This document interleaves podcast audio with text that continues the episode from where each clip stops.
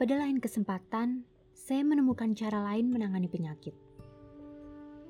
Saya baru masuk ke asrama ketika saya mendapat serangan flu berat. Saya tidak biasanya malas, tapi hari itu saya benar-benar tidak bisa masuk kuliah. Seluruh siswa di asrama itu pergi kuliah, dan sayalah satu-satunya yang tergolek di ranjang, merasa benar-benar sakit, tidak bisa bangkit bahkan untuk meraih secangkir teh. Merasa seperti mau mati saya membatin. Semoga malaikat mau datang ke kamarku sekarang. Ayo datang, datang, datang, ambil aku.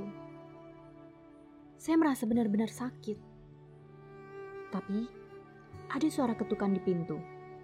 Dan saya adalah satu-satunya yang tertinggal di asrama itu. Saya ingin berkata, pergi. Saya tahu itu pasti bukan malaikat pencabut nyawa, sebab jika iya, pasti sudah saya suruh masuk.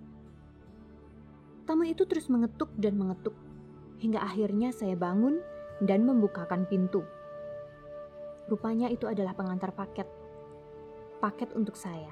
Sebuah stereotip. Pada zaman itu, jika Anda suka musik, Anda pasti akan punya stereotip.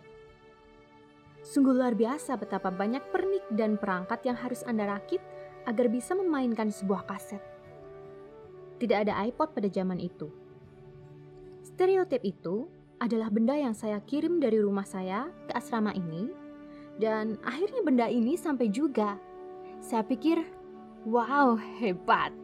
Dan saya tidak menyadari apa yang saya lakukan karena saya begitu senang. Saya membawa paket itu ke kamar saya, membongkarnya, merakitnya menjadi satu.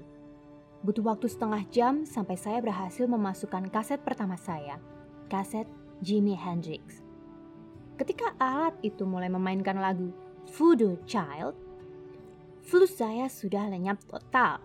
Mata saya berkaca-kaca, namun tidak ada batuk atau ingus yang keluar dari hidung saya. Seperti musisat saja, namun jelas sekali apa yang terjadi adalah kebahagiaan dan kegembiraan mengalihkan batin saya dari sakit. Dan penyakit itu pun sembuh. Sungguh luar biasa melihat betapa sakitnya saya sebelumnya dan setengah jam kemudian sembuh total. Harus saya akui, saya tidak kuliah. Saya mendengarkan kaset itu seharian.